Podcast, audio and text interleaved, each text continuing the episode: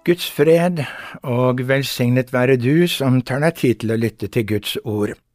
Det handler om den usynlige virkelighet denne uken, og den som tror på Jesus har fått åpnet øynene sine og slik fått et glimt av dette usynlige, etter min mening til stor glede og berikelse. Det er annerledes for den som ikke tror. Paulus kom med dette tydelige utsagnet, andre Korinterbrev, kapittel fire og vers fire. For denne verdens Gud har blindet de vantro sinn, så de ikke ser lyset som stråler fram fra evangeliet om Kristi herlighet, Han som er Guds bilde.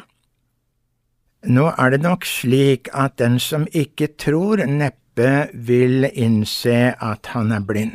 Tvert imot vil de nok si at de i høyeste grad er seende og har skjønt det hele. For det finnes jo ingen Gud, og vi trenger ikke Jesus, og det er heller ingenting å frelses ifra. De er ikke blinde, men seende. Om noen er blinde, så er det nok oss kristne, vi som tror på Gud og såkalt eventyr.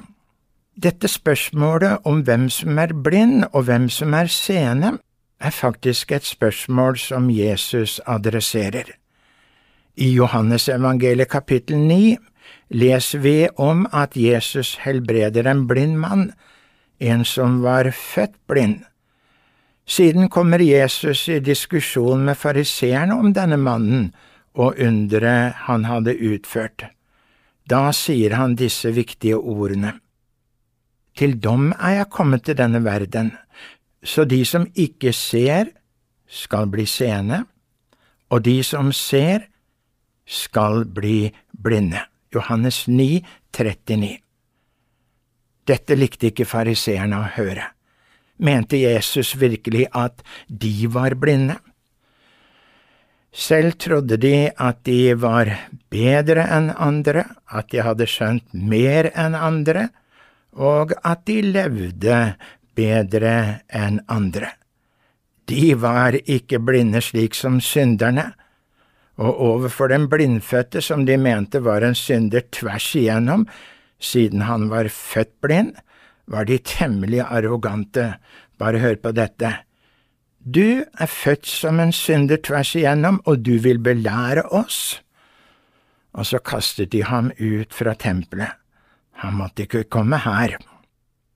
Men i møte med Jesus ble det frontkollisjon for fariseerne. For møtet med lyset, Han som er verdens lys, felte en dom over dem. I Jesu lys ble ikke virkeligheten slik de trodde. Jesus gir dem en annen beskrivelse, en beskrivelse som blendet dem, og dette skapte forvirring.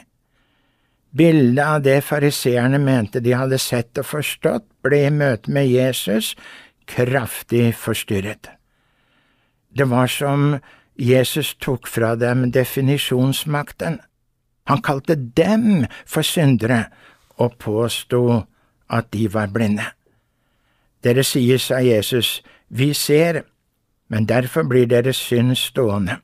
Og slik ble lyset fra Mesteren til dom over fariseerne. Dette er noe som kan være med å forklare hvorfor mennesker ikke liker Jesus og kan bli provosert av det han sier. Lyset blir rett og slett for sterkt, man blir blendet og ser ingenting. Den som mener at han har sett sannheten om livet og tilværelse, men ikke har sett det i lys av Jesus, har neppe sett den hele og fulle sannhet. For Jesus er jo verdens lys, og uten ham blir det så mørkt at ingen kan se klart og tydelig. Denne verdens Gud har blindet de vantros øyne. Og er man blind, er det lett å gå seg vill. Det er lettere å bli lurt, rett og slett. Det er lett å overse farene i livet, og det kan fort bli slik som Salomo sier, den kløktige ser ulykken komme og søker ly, de vettløse går på og får sin straff. Og når vi ikke ser den usynlige virkeligheten, vil vi heller ikke bry oss om at det faktisk finnes et liv etter døden, og at det kommer en dommens dag hvor vi alle må svare for hvordan vi har levd våre liv, og ikke minst svare for hva vi har gjort i forhold til Guds sønn Jesus Kristus. For de vantro venter det nok noen sjokkerende oppdagelser. Den som ikke ser, vil heller ikke oppdage skjønnheten i Kristus og det verk han har gjort for å frelse oss mennesker. Profeten Jesaja sier om Jesus at han ikke var noe å se til. Fra Jesaja 53, han hadde ingen herlig skikkelse vi kunne se på, ikke et utseende vi kunne glede oss over. Han var foraktet, forlatt av mennesker, en mann av smerte, kjent med sykdom, en de skjuler ansiktet sitt for. Han var foraktet og ikke regnet for noe. Men skjønnheten lå i det han gjorde for deg og meg. Våre sykdommer tok han, våre smerter bar han, han ble såret for våre lovbrudd, knust for våre synder, så vi skulle få fred. Og så kunne han si til røveren på korset, som visste at han fortjente den straffen han fikk, i dag skal du få være med meg i paradiset. Hvilken skjønnhet! Samtidig må jeg si, så fylles jeg av sorg, sorg over alle som ikke tror, og dermed heller ikke ser verken farene i livet eller skjønnheten ved Kristus. Og sorgen blir en drivkraft til å be for mennesker som ikke tror. Det driver meg også til å gjøre godt mot andre som best jeg kan, og til å tale om Gud når anledningen byr seg. La oss be. Himmelske Far, gi oss kraft til å be for våre medmennesker. Gi oss nåde og kjærlighet til å vise godhet og frimodighet til å vitne om deg. Ta imot Herrens velsignelse. Herren velsigne deg og bevare deg. Herren la sitt ansikt lyse over deg og være deg nådig.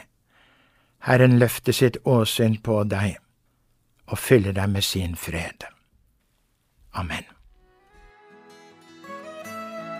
Du har lytta til Over en åpen bibel, og andakten var ved Tom G. Johnsen.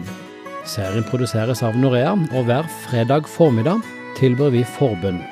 Ring oss på 38 14 50 20, 38 14 50 20 mellom klokka 9 og 11.30 eller du kan når som helst sende oss en melding via Facebook eller e-post. Bruk adressen post alfakrøll norea.no.